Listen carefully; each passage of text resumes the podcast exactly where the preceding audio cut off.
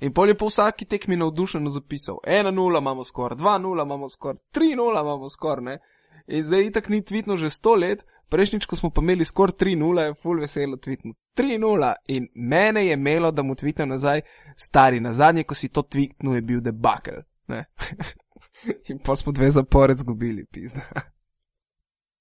Dober dan in dobrodošli, uh, dober večer. Tole je četrta epizoda pivotiranja uh, podcasta, kjer košarkaški selektori modrujemo o košarki. Danes sva tukaj Neč Tukaj in. In Miha Penko, manjka pa Gal Zbačnik, ki je očitno podlegel pritiskom uh, celske skupine C, ki se je igrala torej v celju, v dvorani, uh, v areni celje. Ne? in ga pač žal ni tokrat z nami ob pivotiranju. To je res, jaz sem se z njim slišal po telefonu in je rekel, stari opraviči me, danes ne gre. In se rekel, ni problema, bom rekel, da imaš mačka. In, in, in se je zbunil, ne, ne, to pa ne, mačka pa nimam, nisem toliko spil. In se rekel, v redu, stari, v redu, velja. Tako da danes furava v dvoje. Škoda, ne, ker verjetno je v živo videl najmanj 12 tekem, po mojem, ali pa še kaj več, mogoče v teh dneh. Uh, Sigurno imel kakršno koli zadevo, kakšno malo bolj sladko, verjetno iz kakšnega ozadja, ampak ga čakamo za prihodnji teden. To, to, to, prihodnji teden ga bomo ulovili potem iz Stožic z kakšno lepšo prigodo, ne? Ja. Uh, ok, prvi del je za nami, ta teden je bil izjemno intenziven, kar se košarke tiče. Jaz uh, sem vmes ne dvakrat overdoziral. Uh, Poglejva, deva kar začeti. Imava skupino A, imamo znano, se pravi, 12 eh, reprezentanc, polovica jih je že izpadla. Eh, zgodilo se je kar nekaj presenečen. Ja, bil si ogromno presenečen. Eh, ta skupina A je bila tista mogoče naj, najmanj atraktivna že pred samim prvenstvom. Vedelo se je, da bo tole poleg Francije ostalih pet reprezentanc iskalo svoje, svoj prostor pod soncem. Dve reprezentanci sta ga tudi našli, tri pač ostale brez, zdaj, ja, morda celo malo presenečeni. Konec koncev so Belgici, mislim, da 20 let čakali na zmago na evropskih košarkarskih prvenstvih, dosegli dve v skupini A, ne, v, v Tivoliju, v Ljubljanskem Tivoliju, zares neka neverjetna zgodba. Ukrajinci po drugi strani z nekim projektom. Uh, ki bi ga naj, oziroma vrhunec bi naj dosegel ta projekt leta 2015 na prvenstvu v Ukrajini uh, z Majkom Fratelom, ne, v glavni vlogi, recimo tudi v najbolj uh, poznani vlogi, oziroma najbolj poznan člen te ukrajinske reprezentance je prav njihov selektor. In štiri zmage, en poraz, mislim, vsaka čast nekaj drugega tukaj za dodati, isto kot Francija, isti izkupiček. Točno to, priprave niso kazale, da se bo uh, Mislim, ok, vse zato se imenujejo priprave, ne, ampak vseeno. Ja, mislim, začeli so z zmago proti Belgiji za eno točko, ne, ni bilo tako super suvereno, potem proti Izraelu za sedem točk, bili so tule, no, stop nekje blizu. Nemce so potem na tretji tekmi premagali za pet točk in izgubili s Francijo za šest, ne, se pravi, vse čas, vseh teh par dni bili par košev gor, par košev dol razen z Veliko Britanijo, katero so premagali za 19 točk, ni, ni bilo tole večjih razlik, kar se tiče uh, Ukrajincev, ampak če se ti tista sreča in tisti koši poklopijo in padejo na tvojo stran, si na koncu tisti, ki se lahko veseliš. Ampak verjetno, verjetno v tem drugem delu, ne bom rekel, da bodo ravno topolska hrana uh, drugih reprezentanc, ampak najbrž kaj več kot to pa tudi ne bodo dosegli na tem prvenstvu, ampak se imajo že štiri zmage, kar je zelo, zelo lepi skupiček. Izjemen, izjemen. Dobro, ja. Res so imeli verjetno najlažjo skupino od vseh na Evropskem prvenstvu. Uh, ampak zelo izenačeno. Zelo. Ukrajina, Belgija, Velika Britanija, Nemčija, Izrael, eh, reprezentance, ki so zelo, zelo podobne med sabo. Ne? Tudi Nemci, ki so pomladili reprezentanco Benzin kot najstarejši 24 leti, nekaj neverjetnega. Ne? Hmm. Verjetno še najbolj. Najlepši na uvodni tekmi francoze. Ne? Ja, absolutno. Ja. To je, mislim, da je bilo presenečenje prvega dne, eh, ko so underdogi dejansko dobivali eh, večino. Uh, jaz sem jih seštevil, mislim, da okrog sedem uh, ja. teh underdogov, mogoče še kakšnega več. Zdaj lahko se pogovarjamo, kdo je underdog v, v paru Makedonija-Črna Gora, ampak. Okay, ja, ne. Ni underdoga recimo, da ga ni, ampak ja, šest, sedem reprezentanc, ki nismo pričakovali, da bodo slavili v prvem kolu. Zato pa mogoče ravno ta prvo, kol, prvo kolo, ko, ko rečemo, da je, naj, da je eno izmed najtežjih na prvenstvu, ker se začne, ker je mogoče tista nervoza, ker underdogi iščejo svoje priložnosti. Tudi v uh, naši skupini Češka je zelo dobro odigrala, ampak do tega verjetno mm. še prideva kasneje. To, kar sem še hotel reči no, od skupine A, je Izrael z eno samo zmago in štirimi porazi. Veliko razočaranje, verjetno. Ne? Eh, tudi v njihovem taboru. Omri Kaspi ja. je bil zelo, zelo razočaran, ob tem, ko odhajajo domov, ampak res na tem prvenstvu niso pokazali nič posebnega premagali so samo Belgijo eh, in razmeroma gladko izgubljali druge tekme uh, proti Franciji, proti Ukrajini. Je neverjetno, če pogledaš. Ne? Mislim, uh... Izrael ima konec koncev neke repreza uh, igralce, reprezentante, ki so igrali v večjih klubih, v bistveno boljših klubih, kot so igrali reprezentanci Ukrajine ne? ali pa Belgije. Ali, ali pa Velike Britanije. Britanije ja. Ja. Tudi te Nemčije, ki smo jo videli. Ne? Točno to. Jaz sem nekako in Nemce in Velike Britance v bistvu, čeprav je bilo, kot si že povedal, možnost, da najdejo svojo, svoj prostor pod soncem v tej skupini, jih nisem računal, da bosta ne ena, ne druga dosegli dve zmage. Ne? Ja. Nemčija nima tako velikega košarkaškega bazena in največ odpovedi so imeli na tem prvenstvu, Velika Britanija pa tudi. Mm, je izgledalo, da se je projekt sesul kot hišica iz kart. Ja. Pa so nekako še, neki so plavali, neki so delali. Sicer so oboje imeli ravno toliko zmag kot Belgija, se pravi dve zmage in tri poraze. Je krok potem odločal o tem, da je Belgija na tistem srečnem tretjem mestu, Velika Britanija, Nemčija pa pač brez nadaljevanja Evropskega prvenstva v Sloveniji. Ampak spet Izraelci za me je tule tisto negativno presenečenje. Reprezentanci so imeli NBA košarkarja Omrija Kaspija uh, Ohajona, ki je igral za Makabi, uh, Pninija, igralca Makabi, Lior Elijahu je naredil neko kariero tudi v Euroligaškem. Janiv Green je igral v, v Euroligi, Limonat recimo, tako da ta zadeva se jim res ni išla. Je pa res mogoče, da so ostali brez Aleksa Tajasa, tega naturaliziranega na nek način američana, uh, ki se je poškodoval in ni mogel po pomagati tej reprezentanci in bi bil zagotovo prvi center te reprezentance. Ampak se je pač drugače išlo. Ampak to so spet težave Izraelcev. Ne? Če, ne drugo, če ne drugo, so skrbeli za, uh, za varnost, ki so jo imeli ojačano, posod, ja, ker so se pojavili. To pa res. To pa res. Prav en Mossad so imeli sabo skoraj. Uh, v bistvu vedno te izraelske ekipe in tudi reprezentance, kjerkoli v Evropi igrajo, je zadeva bistveno, bistveno bolj pod drobnogledom policije, eh, redarjev, varnostnikov, kakorkoli jih imenujemo.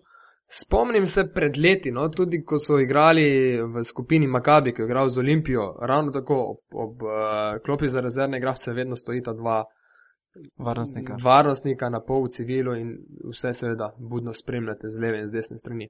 Tista z sončnimi očali tako, in, in uh, slušalko v šest. Ja, ja. ne? Zelo neopazna. Ok, kaj napoveduješ, recimo, reprezentancami za skupine, ki so vrstili naprej?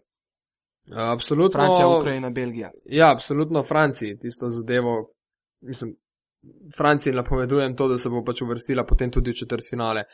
Francoze sem si ogledal uh, ravno sinoči, oziroma v ponedeljek, uh, na zadnji tekmi, ko so igrali proti Belgiji. V prvem polču so izgubljali tudi z dvomestnim številom košev. Uh, ampak se mi je zdelo že takrat, da pač igrajo ne s pomoči, ampak še manj kot s pomoči, da zelo kalkulirajo, da špekulirajo o tem, kako bi igrali. Uh, en parker, ko se znašel na tleh, je še kar malce poležal, debatiral s sodnikom, se mal vlekel po igrišču, ko so pa dali v prestavo više, ni bilo potrebno dve prestavi više, ampak samo eno, so jih pa dobesedno pregazili Povozi, že v tretji ja. četrtini, mislim, da je bil izid 32-9, če se ne motem. Uh, skromno na polnem Tivoliju sicer, eh, kjer pa vzdušje niti ni bilo tako slabo, glede na to, da je bilo nekaj galskih petelinov in tudi nekaj belgijskih levov na sami tribuni. Ampak francozi, mislim, da še neke super predstave na tem prvenstvu niso pokazali, verjetno te skupini niti ni bilo potrebno, glede na to, da so se sprehodili eh, bolj kot ne sicer z enim rahlo bolečim porazom. Dobro, definitivno bolj sveži bojo prišli v drugi del, ne? od, od recimo reprezentanc iz skupine B, kjer se je dogajalo noro klanje. Ne? Ja, e, točno to, kar si omenil, ne? že ta zadeva, da, ima, da imajo štiri reprezentance, tri zmage in dva poraza. pove veliko vsem skupaj, ne? kako malo je Bosni in Hercegovini zmanjkalo, pa bi se uvrstili Za na napredovanje, mesto, ja. Za napredovanje. Črna Gora potem z dvema zmagama, Makedonija na zadnjem mestu z eno samo zmago in dvakrat, uh, pf, kaj da rečemo, nesrečna. To je verjetno premil izraz, ne? ker enkrat mislim, da je bila oškodovana. Definitivno proti. Prvi tekmi proti Črni Gori. Prva tekma proti Črni Gori, tisto bi, kolikor jaz poznam košarkaška pravila, bi tako Ja, pa nisi edini. Ne? Uh, jaz Ja. sem se tudi pogovarjal, ne bom ravno razkril imena, z ljudmi iz sodniškega sveta. Uh, jih poprašal čisto tako, se pravi neformalno, kaj menijo tisti zadnji akciji, so si jo ogledali in so vsi na nek način mi pritrdili uh, dejstvu oziroma mnenju, da bi tisto moral biti koš priznan Makedoniji. Ne? Vesen je po mrežici že načeloma, če bi jo dotaknil, košarkarska pravila pravijo, da je pač to dve točki, če pa potegneš mrežico dol in zam- za- zamaješ celotno konstrukcijo koša, table, obroča, ne vem, tu je enostavno verjetno pač ta turnirski sistem tako pripravljen, da je to nemogoče, oziroma je lažje verjetno uh, se narediti, da nisi ničesar videl. Koliko tukaj uh, odigra, kakšno vlogo tukaj odigra pritisk uh, zadnje akcije v zadnjih sekundah, uh, s tem pritisk makedonske klopi in vse skupaj. Uh, še en zanimiv detalj je, ki ga uh, teoretiki zarot radi mečajo po zobeh. Tekmo je sodil uh, uh, znani sodnik iz Aba lige, Srdžan Dožaj. Ja, nič novega za njega. Mislim, da imamo vsi neke zelo mešane občutke, ko ga vidimo na igrišču, oziroma vemo, da bo cirkus, ne, po domače rečeno. Mm, In nič drugače ni bilo, ko so seveda kritiki potem ocenjevali tale prvi, prvo kolo, oziroma prvo tekmo Makedonije in Črne Gore. Ne vem, če, če drugi nimajo te možnosti, Ja, da nekako- kakorkoli ukrepajo v teh organizacijah, v klubih, ki konec koncev in v, in v reprezentacijah, ki te sodnike plačujejo, da potem nekdo vse čas, oziroma zelo pogosto, no, zdaj vse čas ravno ne, ampak zelo pogosto uh, neke sporne odločitve na tak način odsodi, težko, težko karkoli, najbrž tudi mi dva tukaj, oziroma poslušalci. Stvarimo si pa pač lahko svoje mnenje, ne? Saj si lahko pogledamo posnetek na, na YouTubu, na Mhm, internetu. ga bom in- pripopal zraven. Ja, in, kot sem že omenil na samem začetku, no, uh, sodniki, tudi aktivni slovenski sodniki, so bili na nek način mnenja, da je to pač koš za Makedonijo in čisto nič drugega. Proti Litvi nekako potem so se Makedonci uh, tudi precej še, mm, bi rekel, pritoževali nad sodniške odločitve, padla je ena tehnična napaka. Ja, verjetno imaš potem takoj občutek, uh, ko si v zaostanku, ko ti sodniki dve, tri slabo odpiskajo in plus to, da imaš v mislih, da si tekmo izgubil na, na način, na kateri pač ne bi smel, nisi bil sam kriv dejansko za tisto zadnjo akcijo. Jaz predvidevam, da se potem to vrača v misli in da je ob napetem ozračju vse skupaj uh, se hitro počne, raznese tale baloni. Meni čist nič ni čudlo, da so Makedonci tako re, reagirali, kot so na tekmi z Litvo. Kvečemu me je čudilo to, da niso še bolj zarobantili ob vsem skupaj, ampak so verjetno vseeno, ker je to bila prva tekma, upali, da bodo zadeve rešili v nadaljevanju sami. Ne Mogoče si ti zadevo drugače, drugače opazil. ne vem, mislim, tukaj sem gledal recimo, uh, nekako so jasno izpostavili sodnika, ki, jih potem, ki naj bi jih na tekmi z Litvo oškodoval. Ne? In jasno so izpostavili tudi, da jim je ta isti sodnik že grozil na pripravljalni tekmi Španijo. Zdaj, jaz ne vem, a nisem nikoli bil del košarkaškega ustroja. A se res dogajajo, ti si recimo treniral košarko, a se res dogajajo take stvari, da se sodnik spušča na nivo, da, da eh, pride trenerju groziti in da mu pove v, v, v obraz, lej stari, naslednjič, ko se dobimo, ga boš pa najebal. Eh, Zakaj bi sodnik tako sebi v skledo pljuval? Tudi če, če to ima namen narediti, zakaj ni enostavno raje tiho in si misli, Ja, ne, pač jaz mislim, boš. da imaš uh, pacijente posod, ne? tako imaš verjetno tudi v sodniškem svetu, kot, kot kje druge. Uh, Dan jih je, je Rezuelo, recimo Španec, je takrat tudi naš selektor takratni, O, ni Jure izključil Zdovc, Zdovca. ne, uh, omenil, da mu je že pretekmo namignil, da tokrat pa pač ne bo šlo tako, kot si bo Jure, oziroma kot si je Jure zamislil in je potem letel, mislim, da sredi Tivolija, če se ne motim, na eni Sredi tekem. Tivolija na tekmi z Makabijem. je Tako, ne, se pravi, očitno tudi na tem najvišjem nivoju te zadeve obstajajo uh, v določenih primerjih. Zakaj je to takšna reakcija sodnika, ne vem. Je pa res, da pač igravci in trenerji več čas neki sodnikom prigovarjajo tudi kakšne besede, ko, ko pač ne sodijo tja, kamor sodijo in pač sodniki so spet samo ljudje. To je potrebno vedeti. Jaz bom rekel čistko, iz moje eh, kariere, ki sicer v članski ekipi sploh ni bila dolga, ampak bolj kot ne v, v uh, mlajših letih, ko prideš v takšno situacijo kot igralec, verjetno razmišljaš na drugačen način, kot ko si sodnik. In ko sem sam probo soditi tekme, uh, tudi članskih ekip, ampak pač ne, ne ravno v prvi slovenski ligi, ti je zadeva mogoče ti odpre oči iz drugega zornega kota. Mene recimo zdaj sodniške oči- oči- odločitve na tribuni ali pa kot predstavnika medijev bistveno manj zmotijo, kot so me takrat tiste male odločitve. Mhm. Se pravi, se več ne obregnem, rečem, ok, pač malce na eni, malce na drugi strani, kar je 100% ni nikoli. Takšna stvar, ko pa pač je posnetek in ko je bilo kršenje pravil proti Litvi, je pa stvar, ki jo bodo pač morali urediti uh, na sami zvezdine. Sam recimo na tekmi z Makedonijo. Uh, se je zade, zade, zadeva zgodila v zadnji sekundi. Uh, S Črnogoro. S Črnogoro, hvala. Ja, Ja, ja. Makedonija, Črnogora. Ja. Se je zadeva zgodila v zadnji sekundi in zdaj uh, ponavadi si sodniki vzamejo čas, si ogledajo video posnetek in razmislijo. Ne? In potem sporočijo svojo odločitev. Zato tudi so uvedli uh, to gledanje video posnetka. Ne? Ja, ne vem. Vse težko karkoli oceniti. No. Možnost za zadnje minute naj bi bila, mislim, dve ali zadnje tri minute, da se to zadevo pregleda. Sploh, če gre dejansko za zadnjo akcijo, za zadnji koš. Kaj so tule razmišljali, ne vem, kakšne so imeli navodila, je spet druga zadeva. Iz, ne iz ozadja, ne mislim v tem načinu, kdo bi pač moral uh, zmagati to tekmo, ampak navodila, kako se reagira v danih situacijah. Ali se pač od, od odsodi in pač stisne roko in gre iz dvorane, ali se pač tukaj povleče neka, neka sporednica in poskuša dejansko odsoditi tisto najbolj fair zadevo, kot bi pritičila tej situaciji. Tako da najbrž se tudi mi dva brez veze več kot toliko zaustavljajo pri tej situaciji. No. Mm. Ki, ki pa je zagotovo vplivala na Makedonijo, nedvomno, hkrati pa vprašanje, če bi Makedonci lahko eh, dosegli takšen rezultat kot lani, kot na prejšnjem prvenstvu, no, eh, tisto je bil verjetno vrhunec. Tisto, kar še najbolj čudi, je, da so potem Makedonci kar malce se vdali, no, se mi zdi ob koncu No, prvenstva. v- Vmes so še razbili Srbijo za E, ja. 20 točk. Ne? To je pa res. Ja.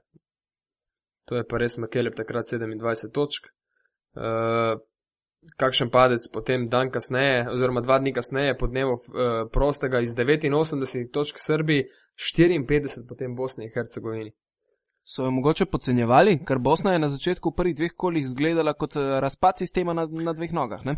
Kot imam informacije, eh, predvsem iz zadnje tekme, no, Bosne in Hercegovine proti Litvi, so bili izredno napaljeni, ne, košarkari Bosne in Hercegovine. Zdaj, točno te tekme Bosne in Makedonije eh, nisem v celoti gledal, zato težko karkoli rečem, ampak sej Bosna je tista klasična ekipa, kjer ko bo letelo, ko bodo igrali vsi za enega, bodo uspeli tudi kakšno tekmo zmagati. Uh, s Teletovičem sploh, ko pa pač ne igrajo ekipno, takrat nimajo te kvalitete, da bodo kar reševali tako. Malce kot francozi, recimo, ki, ki se mi zdi, da igrajo en polčas na takšen način, drugi polčas pa na drug način. Bosna in Hercegovina si tega seveda ne sme privoščiti. Ja, seveda. Ne. Napredovali so Srbija, Latvija in Litva. Ne?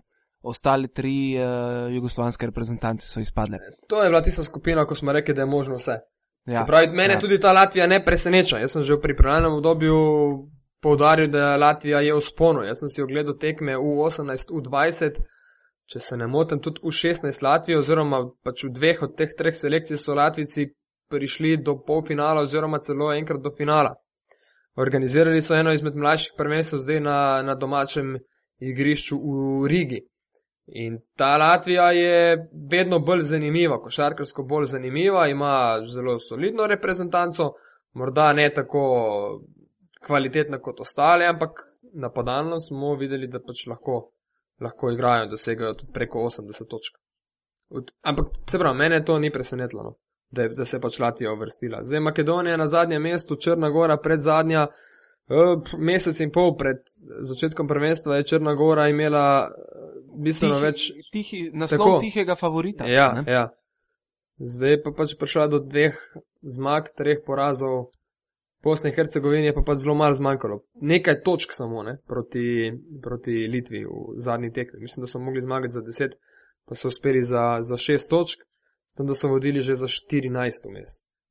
Iz te tekme pa seveda lahko uh, omeniva še koš, oziroma trojko Teletoviča, ali, to, ali koš za 5 točk, kaj bi to bilo, ne vem. Uh, A, iz Teletovič iz parkirišča. Ja, tako, Teletovič iz parkinga, ja. Vse verjetno si videl uh, posnetek Seveda sem videl. uh, seveda sem z videl. uh, znanim Edinom Avdičem. Edino Adičem, ja. Bos, bosansko-hercegovskim komentatorjem. Neverjeten je. In Avdič in Teletovič. Ne. Jaz imam pri Teletoviču tak feeling. On je meni včasih najboljši šuter, ampak to samo v, v situacijah, kadar ni najslabši. Ne. Ker, ker i- i je zmožen, on je zmožen metati nič 15 na tekmi. Marsikaj In je. se zraven ne sekirati. Še kar naprej poskušati in forsirati šut. Ja, ja, mislim, tudi ta šut je bil 6 sekund pred koncem tekme, o katerem se pogovarjava.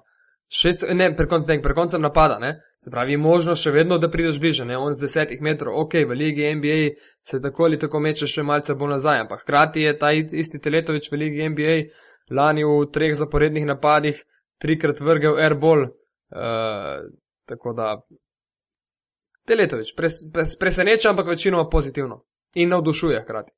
Zanimivo bo pa seveda, ko se bosta ti dve skupini zmešali med seboj, ne? Srbija, Latvija, Litva, Francija, Ukrajina, Belgija. Eh, Prve tekme Latvija, Ukrajina, Belgija, Srbija, Litva, Francija že takoj na štartu tega drugega dela. Ta bo divja. Jaz nekako tukaj dajem prednost dejansko je, eh, tem, ki so napredovali iz skupine na jesenicah. Ne? Eh, Sva podobnega mnenja, ja. Mislim, da se tukaj priključi noter še Francija in nekako imamo paket četrt finalistov, najverjetneje. To je moja napoved. No. Kot ponavadi se lahko zmotim, tako kot sem se zmotil pri Črnogorcih, ki so jih z Galom v bistvu oba precej propagirala kot reprezentanco, ki zna presenetiti. Ne? Ampak pač tega ne bomo vedeli. Vmes so postali še Dašiča domov. Ne? ja. Mislim, nič nenavadnega, verjetno se odpravijo Gran Canarijo na, na plažo, pa jaz. Tako, To, tako. to bi bilo v njegovem stilu. Kdor, kdor je poznal Dašičeve navade še iz časov Union Olimpije ali pa prej Lotomatike, Ali pa jasno, prej da- Real Madrid, ko je bil poslojen v, v moštvo Gran Canarije in preživel več časa na plaži kot v dvorani. Za razliko od Slokarja, ki je prejšnjič lihva na aparatu spika.si govoril o tem, da pač ni kaj dosti videl plaže na Gran Canariji, čeprav je eno leto tam igral. Ne? Ja, mogoče ne zna eh, sloki uživati življenja tako kot. Sloki bi rad treniral, očitno, ne vem. Ja, skupina, no sej Francija, Srbija, Litva, favoriti te skupine, skoraj si ne predstavljamo, da ne bi nadaljevali. Uh, med ostalimi tremi, Ukrajina, Latvija, Belgija, bi na mojem, recimo, računu bila najviše Latvija. Ukrajinci, se pravi, se mi zdi, da so naredili dovolj. Uh, Belgijci pa se, predvsem proti Franciji, so postili včeraj eh, v ponedeljek tako slab vtis, da, da se kar na nek način na njih ne bi kaj veliko stavil. No. Oziroma nič. Sicer je ekipa zelo podobna že, že 3-4 sezone. Uh, Axel Ervel, center je najbolj poznan, mislim, da vsem skupaj Seveda. uh, iz te reprezentance. Poznajo se sigurno v redu, očitno zelo dobro funkcionirajo, kar me je veselilo je to, da je bilo kar nekaj belgijskih navijačev v Tivoliju. Uh, ostali igravci pa tako, no, tako. Ne, ni ravno srednja žalost, ampak ni pa nobenega super preseška. Bojo še čakali na nekako naslednjo generacijo, eh, kot so imeli Tomasa van der Špigla, recimo, noter in tako naprej. Ja, on je že bil, ko je bil tudi Ervel zraven, Axel Ervel takrat v svojih najboljših letih, član Reala, konec koncev, ne pa potem še Bilba, uh, mislim, da tudi on že dosti dal tej reprezentanci, tako in drugače, ne. Greva naprej. Naša skupina, celska, skupina C. Tukaj predvsem jaz mislim, da je bilo več presenečen mogoče v zadnjih dveh tekmah Slovenije, čeprav nekako mm, tekma s Hrvaško morda niti ni bila tako presenečenje. I, jaz sem že vnaprej napovedoval, da zna biti ta tekma zelo na nož. Hrvati ponovadi najboljše igrajo proti svojim sosedom. Ja, to je klasičen derbi, da rečemo, ne? sosedski derbi. Tudi ko nisi v formi, je to derbi. To v vseh športih. To, uh, ali, ali smo pri nogometu, košarki, rokometu, kjerkoli se pogovarjamo, tudi če ena ekipa ni v super formi, ko pride derbi, je lahko zgodba povsem, povsem drugače in se tudi tisti nisi na en porazov ali pa zmag obrne v drugo smer. Tisti, kar se mi zdi tukaj uh, največje presenečenje, je Poljska, negativno presenečenje, seveda. Z eno samo zmago, še to v zadnjem kolu proti Sloveniji, ki ni odločila o ničemer, Poljaki so me res tako prav presenetili in uh, razočarali hkrati. Imeti težave proti Gruziji na prvi tekmi, če prideš s takim napuhom na prvenstvo uh, in izgubiti potem za, mislim, 17-20 točk, je skoraj mal hud udarec. In potem izgubiš drugi dan še tekmo s Češko, uh, to tekmo sem tudi živo ogledal, Poljaki so večji del. Kaj? Ja, ok, zginil si mi vmes, zdaj si spet noter. Ja, sem, sem še vedno tukaj. Ja. Pravim, da Poljaki so uh, vodili večji del tekme, ampak Čehi so bili vse čas zadnji in potem v zadnjih petih minutah prišli do, do izenačanja. Uh, vzdušje dvorane je bilo super, recimo slabih 2000-1800 gledalcev, uh, razdeljenih na Polsko in Češko, tudi navijači so tole imeli svojo vlogo. Uh, So pa bili Poljaki zelo, zelo tudi navijači in razočarani in, in šokirani eh, nad pač porazom za točko s Čehi, tudi na nek način z njihovimi sosedi. S Čehi, ki smo jih vsi pričakovali brez zmage na zadnjem mestu. Ja, ampak se vsi spomnimo, kako je izgledala naša tekma v prvem kolu z njimi. Ne? Ja. Okay, tukaj bi jaz veliko pripisal nekako nervozi naših napadalcev, ker mislim, da smo ogromno zicerjev stran vrgli ali pa se celo mogoče preveč na glavo zapodili v kontronoter, se je pa zato zadeva zelo izravnala na tekmi proti Španiji. Ja, tiste prve tekme, ne, ki so očitno res za, za vse te eh, reprezentance lahko tudi negativno se skupaj vplivalo. No. Velika Britanija premaga Izrael, Nemčija premaga Francijo, uh, Litva doseže 56 točk proti Srbiji. Najslabši njihov, njihov dosežek. Potem so bili vedno, mislim, da če 70 ali pa, mislim, Zgodba, ki v prvem kolu očitno pusti, čeprav fanti pravijo, ni nervoze in tako dalje, ampak moraš zadeti tisti prvi, drugi eh, šut, prvo, drugo trojko in potem seveda zadeva steče bistveno, bistveno lažje. Kako bo izgledala? Ja, mislim, še tole, no, Hrvati so dosegli 40 točk proti Španiji, ne v prvem kolu. Le, uh, jaz sem bil po tej tekmi, sem bil jezen na hrvaške igralce. Ne, dobesedno, sem rekel, madej, nehaj dejansko imate ekipco, ki bi mogla funkcionirati, imate trenerja, ki se smatra za resnega trenerja in ne nekega klovna, če tako rečem. Uh, in potem se zgodi to proti Španiji. Ne? Rekel, to, to neki ekipa ne more funkcionirati. Naslednje kolo je bil nov obraz Hrvaške. Začeli so igrati in potem nanizali naprej zmage, same zmage. Ja, štiri zmage, en poraz. E, to je ta mentaliteta, mislim, da hrvaških, predvsem košarkarjev. O tem smo v prejšnjih družbah že, že, ja. že govorili. Jaz sem se tudi pogovarjal z uh, enimi trenerji, hrvaškimi. Uh, oziroma, trenerji rojenimi na Hrvaškem, ki zdaj delujejo v Sloveniji, in so vsi rekli, to v naši reprezentanci nič ne štima, uni je skregan s tem, uni govori grdo od, od tretjega, pač enostavno ne najdejo tiste skupne točke. Uh, Ena zelo zanimiva kolumna, ki sem jo v teh dneh prebral, je ta, da je bilo na tekmi, hrvaških tekmah, veliko navijačev hrvaških z dresi Dina Rađe, Kukoča, Petroviča in tako dalje. In potem Jukic se je oglasil in dejal, ja, mi bomo morali nekaj narediti najprej za to reprezentanco in s to reprezentanco, da, da bodo pač nas na podoben način podprli. In imam tudi informacije z te tekme proti Španiji, bom rekel iz, iz eh, stališča gledalcev da je bilo ogromno uh, vređanja, no? po domače ja. rečeno, pluvanja in po repeši in po igravcih, da tako ali tako nimajo pojma, da pač itek so samo kanta za nabijanje. Uh, štiri poraze na zadnje, štiri zmage zapored v seriji je Hrvaška na zadnje imela leta 95, ko je tudi takrat premagala Slovenijo in ko je na koncu osvojila bronasto odličje. Zdaj pa računajmo. Ne? Ja, Dobro, Hrvaška je takrat še imela kukočane. Ja, dobro, pustimo zdaj uh, sam roster, ampak tudi ta Hrvaška, ki, ki je zdaj, nima mogoče ravno kukoča, ima pa druge zelo, zelo kvalitetne igralce, če ne drugo, ima 10 ali pa 11 igralcev, ki lahko v vsakem trenutku zaigrajo. Bistveno več recimo kot Gruzija, ki, ki je verjetno ravno to manjkalo na teh tekmah.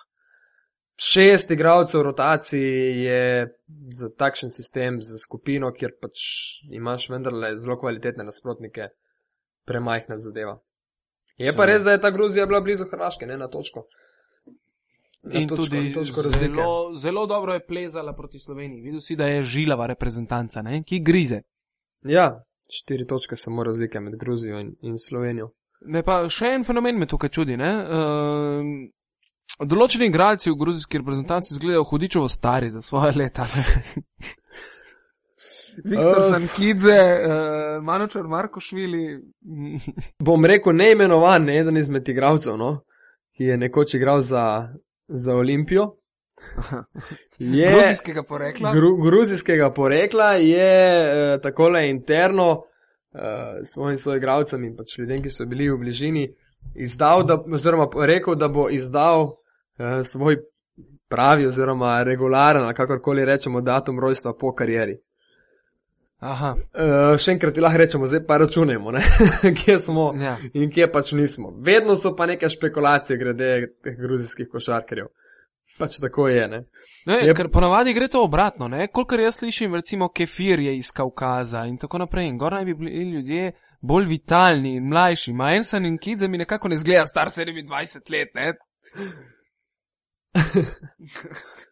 Ja, zanimiva zadeva. E, Jaz sem uh, lani poleti uh, bil poleg tudi na Evropskem nogometnem prvenstvu do 17 let v Ljubljani, oziroma Sloveniji. Mm. In sem Gruzice, te mlade Gruzice, v narekovajih rečeno mlade, spremljal na stožicah. In ravno tako, imel si 3-4 fante, ki si se vprašal, ali je star 17 let ali je star toliko, kot si star ti, se pravi 10 let več. Ja. Z, z, z brki in zraven so bile ponovadi kašne ženske z otroci, ki so nekam čudno navijale za njih. ne. Ni pa prav, da sodiva po zunanjem videzu, ne, katero koli absolutno. reprezentanco, tako da pustiva Pač mogoče prej začenjajo dozorevati. recimo. Ne. Več testosterona. Ja. Španija, Hrvaška, Slovenija pa na koncu tri reprezentance brez presenečenja. Uh, po eni strani škoda, da Slovenija ni odnesla s seboj štiri točke, naši fanti so ravno danes na tiskovki, uh, Lakovič in Lorbek sta bila prisotna in Malkovič dejali, da pač po drugi strani dobro, da imamo dve točki, bilo je možno vse od štiri do od dve ali pa nič in Mhm. neka zlata sredina. Imamo ne na zadnje povsem, povsem enake možnosti uh, kot Španija, Hrvaška, tudi če mečemo kovanec uh, in ne igramo. Trdim pa, da smo boljši, vsaj od Hrvatov, uh, če ne individualno in poimensko še tudi od Špancev. Bomo pa videli, kako bo se zdaj dva poraza vplivala. Ne? Imamo, oziroma imajo fantje dva dni počitka, uh, kar pomeni, da vseeno lahko zdaj glave spravijo v red, fizično so dobro pripravljeni, vsaj tako delujejo, vsi na nek način so proti Španiji, predvsem leteli po igrišču, nimajo nekih težav Izjemno s fizično fizikalijami. tekmo, ne. Ja. E, Tako da se bodo lahko z Italijo in Finsko in, in tudi Grčijo, mislim, da brez težav, ne rekovajih rečeno, sfajtali. A je možno, jaz imam tukaj, bi rekel, eno svojo tiho teorijo zarote. Je možno, da smo prvič v zgodovini eh, naših nastopov na evropskih prvenstvih začeli malo kalkulirati, da smo si lahko to privoščili.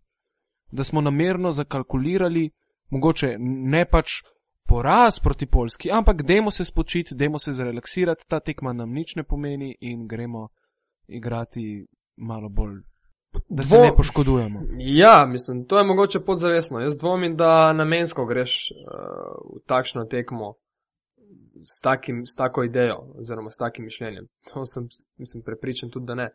Je pa res, da ko pogledamo samo tiste igralce, ki so izstopili, Lorbek 13, Begič 7 skokov, Joksimovič 5 asistenc, to ti da vedeti, da pač to niso igralci, ki bi uh, razmeroma pogosto začenjali v, v štartni peterki. Ne?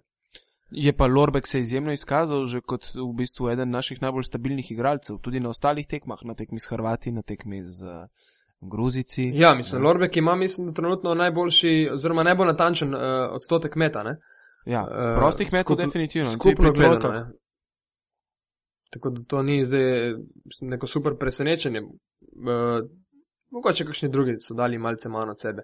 Edini, ki je še nekako dožnik, no, videli bomo, če je pa sposoben še kaj več dati od sebe, je Jaka Lakovič.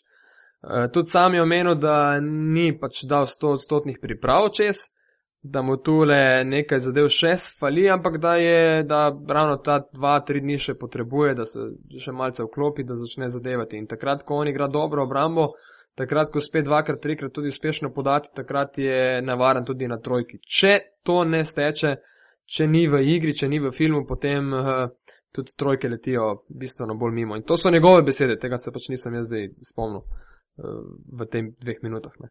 To je res. Je pa, uh, vem, vidi se ogromen preskok v igri, kadar je noter Goran Dragič ali pa kadar je noter Jaka Lakovič. Ne? Tudi zaradi fizičnih predispozicij Dragiča, uh, ki nekako bolj obvladuje svoje prodore v raketo. Pri Jakih kar nekako pogrešam. Ne? Ja, uh, mislim, sigurno imamo zdaj te igralce, ki lahko na tak način igrajo. Sploh, ko imaš enkrat Gogija, Zokija, notrne igrišče, pa še Muriča zraven, to leti. Videli smo Muriča, kako je zabil še z osebno napako, verjetno dvoročno na tisti tekmi, odlična akcija.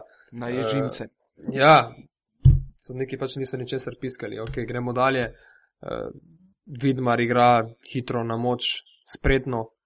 Če se bo še Begič tukaj zraven postavil po robu, ta reprezentanca gre lahko samo še gore. Jaz mislim, da tisto proti Španiji ni bil vrhunec. Mogoče je bila res ena vrhunska predstava, pa smo bili vsi euforični, ker je to pač bila Španija.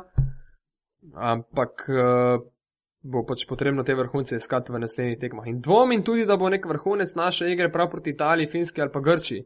Jaz upam, da se bo zgodil tja proti četrtfinalu ali, ali pa celo potem proti polfinalu.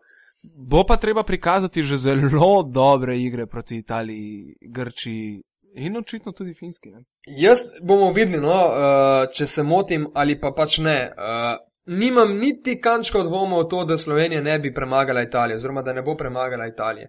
Jaz sem si pogledal, mislim, da štiri... že dva in mislim, da če bi bil Gal tu, bi bili zdaj trije, ki se strinjamo. Ja, pa ne zaradi navijaštva do Slovenije. Jaz sem si Italijo ogledal, mislim, da štirikrat v živo v Kopru. Igrali so na krilih nekih navijačev, ki so praktično na vseh tekmah uh, napolnili do konca. Kopersko areno ni največja, niso to stožice, ampak tiste 3500-4000 italijanov je bilo na vsaki tekmi z izjemo ene, takrat, ko so igrali s Finci, ker je pač 1500 finskih navijačev. Niso me pa pet zmag brez poraza. Mislim, težko karkoli rečemo negativnega proti italijanski reprezentanci. Da bi pa rekel, da so me uh, navdušili z bilo čem, pa tudi ne na zunanjih pozicijah, uh, Aradori, uh, Gentile, dva čokata košarkarja. To je prva zadeva, ki mi je padla pač v predočine. Uh, na drugi strani, če damo enega Joksimoviča z naše reprezentance, zgleda bistveno bolj športno. Ja. Uh, No, pa da se tukaj še eno zgodbico dodam. No. Mančineli, ki je pač izpadel zaradi poškodbe kot zadnji iz te reprezentance, si zadeve ogleduje in je ogledoval z tribune. In ko sva mu s kolegom malce prišepnili, da pač fanti zgledajo tako bolj pri močeh, tale dva pa dodali smo še Nikola, Nikola Melija. Melija se spominjam iz pred parih let, ko je igral še na trojki pri Milanu, zdaj pa ga že predstavljajo na štirko, zamenjal je nekajkrat celo kozina pod košem. Uh, torej, da so malce bolj pri močeh in je, je rekel, ja, je zelo dobra hrana v hotelih in se tako malo nasmejal. Se pravi, tudi njemu jasno, da pač ne izgledajo ravno uh, super elegantno. Očitno pa zelo, zelo ali pa dovolj uspešno v, v skupini, kjer sta glavni poraženki Turčija in Rusija. To je pa, m, mm, bom rekel, Turki so me mogoče. Uh, predvsem negativno presenetili od Rusov, sem pa nekako pričakoval debakl, ker če zamenjaš dva meseca pred prvenstvom tri selektorje, jaz osebno mislim, da gre tukaj za zelo šalabajzersko vodstvo eh, Ruske zveze, ki mi je očitno vseeno za to, kaj se dogaja v reprezentanci. Ne? Tako je spadlo, ja, potem pa še nekaj odpovedi zaradi poškodb.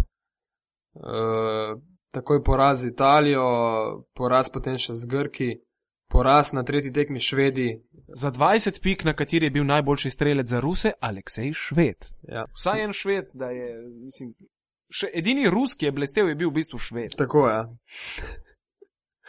Ampak švedi so odigrali tisto tekmo zelo dobro. Imajo s seboj nekih 400-500 navijačev, imeli so v Kopru.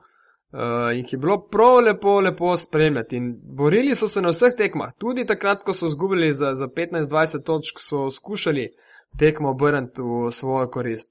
Imajo reprezentanci dva igralca iz Konga, brata Masambe, en je center, zanimivo, uh, podoben Sofoklisu s Horcanitisu, drugi pa organizator igre. Ne moreš verjeti, kakšna je razlika. Sme, spet smo pri zunani podobi. Ne? Ja, drugi poštar pač, kaj se. Ja.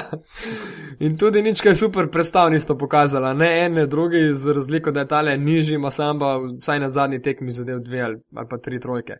Uh, no, če že iščemo tiste pozitivne lasnosti vsega skupaj v švedski reprezentanci, absolutno, absolutno njihov organizator igre, 17 let je namreč šele uh, star Hawkinson, že mislim, da dve sezoni član Barcelone. Uh, meni se zelo, zelo dopavno, to pač lahko povem. Mislim, da je nekje bil, je bil to posnetek njega na internetu, mislim, da pred dvemi leti je prišel ven, kako zadeva v seriji, mislim, da koliko 66 trojk. Uh, možno, ja.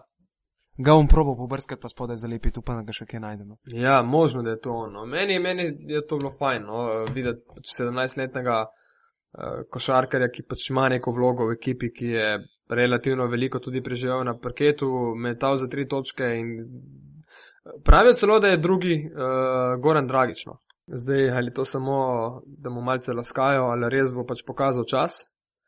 Uh, Mogoče skandinavska verzija. Ne. Še ena druga zadeva, no, kar se tiče švedov. Očitno je zelo, zelo lepo biti švedski selektor, bi jaz, bi jaz rekel. No, Bradley Dean, ki je zdaj američan na klopi švedske od leta 2010, brez nekih hudih pritiskov, bolj kot ne je vseeno, ali domov pripelješ zmago, ali pa pač dve, ali pa pač celo nobene. Imeli so celo prvenstva. navijače tukaj, ki so se dobro Imajo zabavali. nekaj navijačev, ima še dva, poleg teh košarkarjev iz Konga, ima še dva ali pa tri američane v ekipi. In pred njim je bil pa nek grški selektor pet, pet let, se pravi, sanska služba za trenerje. Odlično. Zdaj ne vem, koliko lahko zapolnijo s tem, kakšne svoje profesionalne ambicije. E, to je pa druga stvar. Ja? Ja, ampak stališča stresa pa verjetno ne more biti kaj prevetirano hudega. Ja, stres pa je zdaj predvsem prisoten pri Andreji Trinkjerju, uh, Ja, grškemu selektorju, enemu izmed najmlajših na tem prvenstvu. Pogovarjal sem se z njim po zmagi nad uh, Rusijo ali, uh, ali Turčijo. Turčija. Ja. Mislim, da drugi ali pa tretji dan, no, ko so še Grki izgledali tako, kot je pač potrebno. Mislim, super govori hrvaški jezik. To sem tudi jaz opazil, ker sem ga srečal v Portorožu na sladoledu in sem se odločil, da si ga. Da ga Drzneš ugrabim narko za ja. par minut, srce mi je razbijalo in sem se odločil, hej, trinkjerju pa želim dati roko in ga zagnjaviti. In mi je ratalo. Ne. Sva dva, ja. Kaj je kaj povedal uh, uh, po tekmi? Uh, tisto, kar je še najbolj zanimivo za, za, za košarkarske poslušalce, je poleg tega, da se pač rad vrača v opatijo oziroma v reko, v Kotor, kjer, kjer je njegova uh, stara mama, pa mama iz, iz reke in tako dalje in tako dalje, uh, da ima v svojem moštvu po njegovem mnenju najboljšega, naj, najboljšega nizkega košarkarja, Vasilisa Spanulisa. Se ja, absolutno strinjam. Tudi tako drugače je malo omenil, da je to košarkar, ki se tako nenormalno, uspešno in dobro sam eh, mentalno pripravi, Mm. da je to nemogoče ponoviti oziroma priučiti nekoga, nekoga drugega.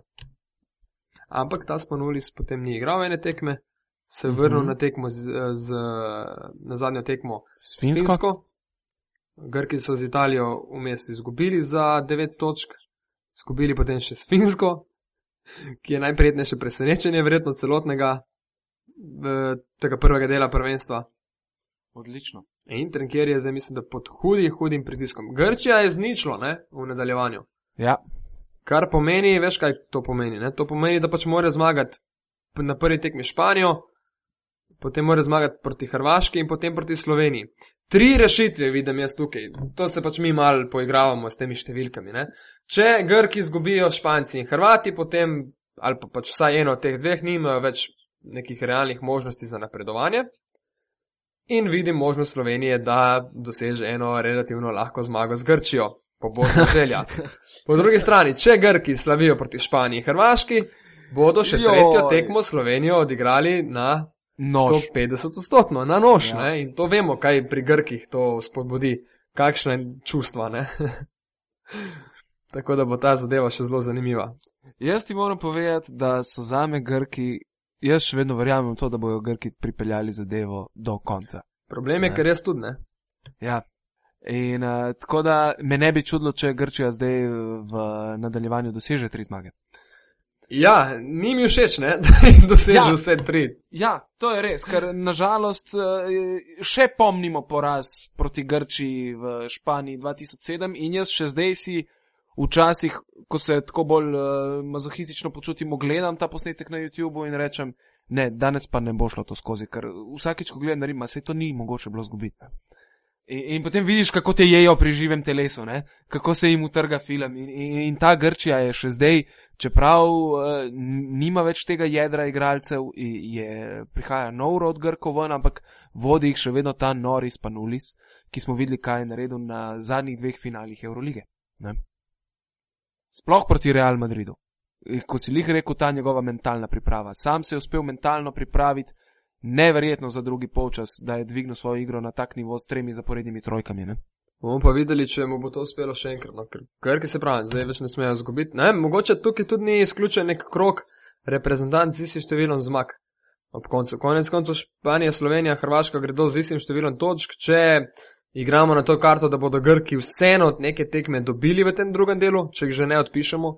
Če igramo na to karto, da pač Finci ne bodo presenetili proti Španiji, verjetno mislim, to bi bila senzacija vseh senzacij, nimajo šans.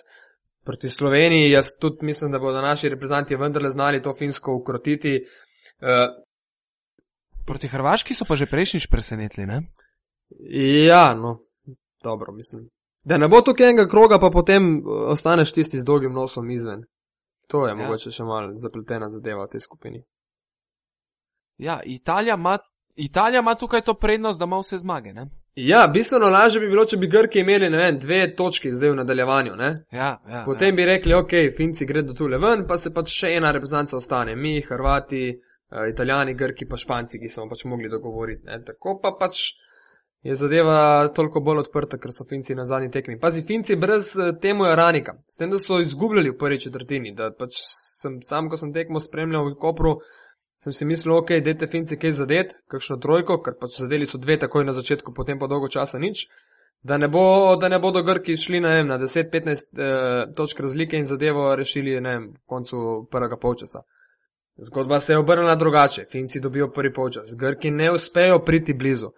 Finci igrajo na krilih svojih navijačev, ki jih je bilo še več kot prvi dan. Grki nikakor ne najdejo svoje igre. Kaj ima Koglu mimo? Trojka ne gre, Papa Nikolau relativno slabo, eh, Stratos Perperoglu ništa, ne, nula od nule. Uh, tako da. Borusi se tudi ni znašel. Borusis, uh, nisem potem nobenih grških medijev kaj prebral, če so kaj, uh, če so kaj uh, podrezali v reprezentanco. Borusis je zahteval menjavo, potem ko ga je Trenkjeri relativno blago nahrulil ob enih prostih metih. Nekaj mu je še uspel, to sem uspel videti, rekel nazaj, potem pa je samo pokazal menjavo in od tistega momenta ni več uh, imel potem vloge na parketu.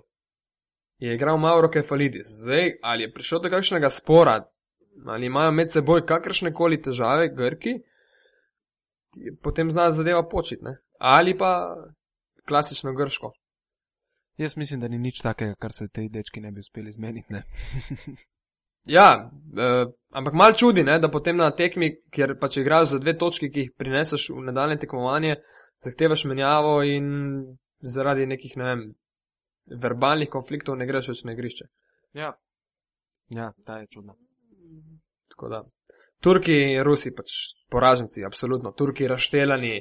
Uh, začelo se je na prvi tekmi s Finsko, ko niso zadeli nič. Nič. Klasična prva tekma prvenstva, ko gre vsaka žoga noter, pa se premisli in se odbije iz obroča ven.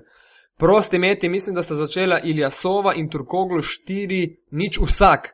Se pravi, skupno ali je bilo nič 8 ali je bilo 1-8. Uh, mislim, katastrofa od katastrofe. Na Playmakerju so tako ali tako malce bolj švoh. z Balbajem, uh, z Gilerjem, ki se pač muči na enki dvojki, potem je kar Prezič malce prevzel enko. Uh, Turkoglu pa potem v nadaljevanju sploh ni več ni igral prvenstvo. Zadnje tekme ali celo zadnjih dveh. Je Bošatanevič je na koncu izjavil, da je sam naredil veliko napako, ker je prepozno zbral ekipo in ker uh, je v glavi že imel, uh, razmišljal o dvobojih Slovenijo, Hrvaško in Španijo. To mi je meni zelo nenavadno. Ne? To je tudi meni zelo nenavadno. Dobro, to, da je pozno zbral ekipo, oziroma da so se malo kasneje začeli pripravljati, je pač splet nekih naključij, ker so pač fanti imeli neke druge obveznosti, predvsem Turkoglu se je pridružil. Mislim, da šele od dneh, ko je Turčija že igrala Slovenijo v celju, ne? Ja, ja. Tistih pripravljalnih tekmov. Dan ali dva prej.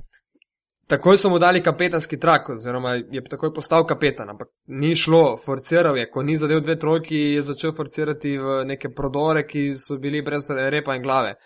Ena na tri, sodniki niso ničesar piskali, nervoza, vračanja ni bilo. Se pravi, tista zadeva, ko se zgodi pri razpadu sistema. To je najlažje, da, da opišem te dogodke, kako so Turki izgledali. Ko se ne vem, iz kontra 3 na 2, dva igralca enostavno ne uspeta vrniti niti do polovice, medtem ko nasprotna ekipa že polaga na drugi strani. Potem ti je jasno, kako so ti Turki izgledali no? na teh prvih tekmah. Italijani so jih tako ali tako razbili za 15 točk, takrat, je, takrat je bilo jasno, da bo Italija pač skušala vzeti 4 točke iz, iz te uh, skupine, kar je ne na zadnje tudi uspelo, več kot to. Turki pa pač na zadnji tekmi izgubili še z Rusijo, na tekmi, ki ni odločila o ničemer. Ampak prav na zadnji tekmi eh, koperske bonifike. Ja, mešanje z našo skupino, ne, to smo malce tudi že omenili. To, kako bo to zdaj izgledalo na koncu, ne? Uh, ne vem. Italija ima zaenkrat, sploh napram Grčiji, smo že prej rekla, izjemno veliko prednost, ne? prednost štirih točk. Ja. Ali jo lahko zakocka? Uh, Prva stvar, no, kot sem že prej omenil, Italija, jaz sem prepričan, da Slovenija ne bo premagala. Razen, če bi naši imeli za res strelsko slab dan, ne vem, trojke pod 20 odstotno, med za, za dve točki pod 35 ali pa 30 odstotno. Na, edino na takšen način. Mene ta Italija ni tako super navdušila, mogoče se motim. Uh, res je tudi, da na zadnji tekmi ni igral Belineli, pač nek selektivni spomin, ne, si zapomniš vse najboljše stvari, predvsem iz zadnjega obdobja. Uh, brez supercentrov, Kuzin se sicer izjemno bori, ampak potem so dali na petko kar Nikola Melija, ki je, mislim, da za naše centre bistveno, bistveno prešvoh in. Mislim, da je to že pripravljalna tekma, ravno v Kopru z Italijani pokazala. Ja, da se Italijani... na centrskih pozicijah ne morejo kosati z našimi. Takrat so igrali tudi brez Datomeja, ne? Ja, da ta ja. zadeva še pride zraven. Datome igra iz tekme v tekmo bolje, ni še blestev, imel je kar nekaj relativno odprtih metov, ki jih je zgrešil. Uh, ne iz kontakta, karkoli, ampak čiste kmete, ki bi pač načeloma jih igralci njegovega kova moral zadeti. Uh, je pa res, da, da to me po drugi strani, če je pač v obrambi malce bolj švoh, ti lahko napado povzroča ogromne težave, ker se zna postavljati na štirko, ne? na pozicijo štiri, odigrati potem z našimi, tam verjetno bo to bitka z Nagbarjem, jaz tukaj vidim največjo zadevo. Uh, to bi znal biti dober raus, ja. Ja, predvsem znak brena, ker da Tome je sicer zelo spreten, lahko odigra ena na ena, uh, spravi bo tudi Nagbar moral tule v obrambi odigrati zelo, zelo v redu. Upam, da ne pride v težave z vsemi napakami, uh, ker na štirkih pa zna povzročiti res ogromno, ogromno težav. Sva pokrila vse? Ja, sva. Kar se tiče Italije, mislim, da ja, kar se tiče te skupine tudi. Finci, ja, s Sasom Saljem sem govoril pred prvo tekmo že v Kopru, ker, je, ker mi je napovedal oziroma rekel, želim priti z reprezentanco Stožice. Sem mu seveda pač malce zinično odvrnil, da bo pač v Stožicah igral z Olimpijo. In je rekel, ne, mi bomo skušali z reprezentanco priti v Stožice. Ne? Ok, ja, prvi dan, haha, drugi dan v redu, potem pa je zgodba začela dobivati obrise nekega novega, norega uspeha tudi Fincov in njihovih navijačev, ki zna biti v Stožicah še nekoliko več uh, kot v Kopru, ker so se zelo zabavali, uh, kopali v morju, jasno, ni mi bilo vroče za znored, ker so v, li, v Lipici igrali golf, uh, ker so se, danes sem prebral, nekje z taksijem vozili v Ljubljano. Tako da Finci bodo, če ne drugo, zelo, zelo zanimiv nasprotnik uh, in z drugačno košarko kot druge ekipe. Finski reprezentanci, to se pa meče iz vseh pozicij samo ne na tablo. Se pravi, vse, kar je izven rakete, vse, kar je nek met, uh, košarkarski met, to Finci počenjajo vsi, vsi v, v tej ekipi. Seveda z, z glavno vlogo pa Peter Koponen, košarkar, ki je v Euroligi tudi že Himki. konec koncev igral ja, za, za ruski Himki. Uh, drugi pa pač kot uspejo. No. Uh, imajo Kima Murinena, centra, iz, iz, tudi drugače izkušena ekipa, ta le finska, da ne boš mislil, da ne. Večinoma sem kar nekaj fantov tudi preko 30 let. Uh, Nikila 35, uh, Raniko na 32, uh, Hano Motela, recimo 36, najstarejši, ampak žal poškodovan zdaj. A je kaj v sorodu z Marijo Mutolo? To pa mislim, da ne. Po, tako po izgledu bolj težko. Uh, najmlajši mislim, da celo Salino. Pa, in to že nekaj let je Salin najmlajši noter. ne? Ja, Salin je že po izkušnjah veteran. Ja, Uh, drugi pa zelo zanimivi, tudi oni z dvema uh, ameriškima košarkarjema, Hafom in Palijem. Uh, malce okrepljeni, ampak nič posebnega. Še ena zanimivost te reprezentance je ta, da njihov selektor Henrik Detman vselej začenja s postavo uh, Haf, Li, Salin, Koti, Koponen in to so košarkari, ki imajo številke 7, 8, 9, 10 in 11 na zapisniku. Ma seveda, čisto lahko, da si človek zapomni, ne, da ne dela si težav pri tem. Ja, jaz uh, prve nisem še malce šel pogledati v zapisnik, uh, potem pa mi je bilo jasno, da pač prvi polčas in tudi drugi polčas začenja na isti način. Seveda, zakaj bi komplicirali, ne? Ja, očitno. Jaz sem se pogovarjal z dvema turškima navijačema dol v Piranu, ne? Potem, ko je bilo že jasno, da je Turčija izpadla. Ja, verjamem, da ste bila navdušena. Ja, ja, ja. Besna sta bila koris, eh, psovala in vse skupaj, in reprezentante, in, in Tanjeviča. eh, In, mislim, tako kot se spodobi pač za razočaranega navijača, kar jo sicer ni odvrnilo, da ne bi jedla jastoga za mizo, ampak tako bi rekel, zelo borbeno razpoložena sta bila. Jaz sem nekako rajši bil malo tiho, da nisem hotel jih zobotrebca v oko jim še, ali pa sol na rano jim dodajati. Ne. Da, da jim povem, kaj si jaz mislim o turški košarki, kjer je nekako imam teorijo, da itak, čim igrajo izven Turčije, ponovadi ne igrajo. Ne. Tako kaže pri toči. Ampak dobro, zdaj se bomo osredotočili na tiste. Prve tekme, ne, uh, najprej. To, Eh, 11. september bo, bo dal prve, se pravi sredine, sredini, dne, sredin dan, sredine tekme. Latvija, Ukrajina, Belgija, Srbija, Litva, Francija. Uh, drugi igralni dan, recimo tega drugega dela, uh, Finska, Hrvaška, Hrvaška Grčija, Španija. Španija, Slovenija, Italija, poslastica začer razprodana, razprodane stožice, zdaj je jasno na vseh tekmah, Oh, je. tako s Finci kot z Grki uh, in seveda tudi uh, z Italijani.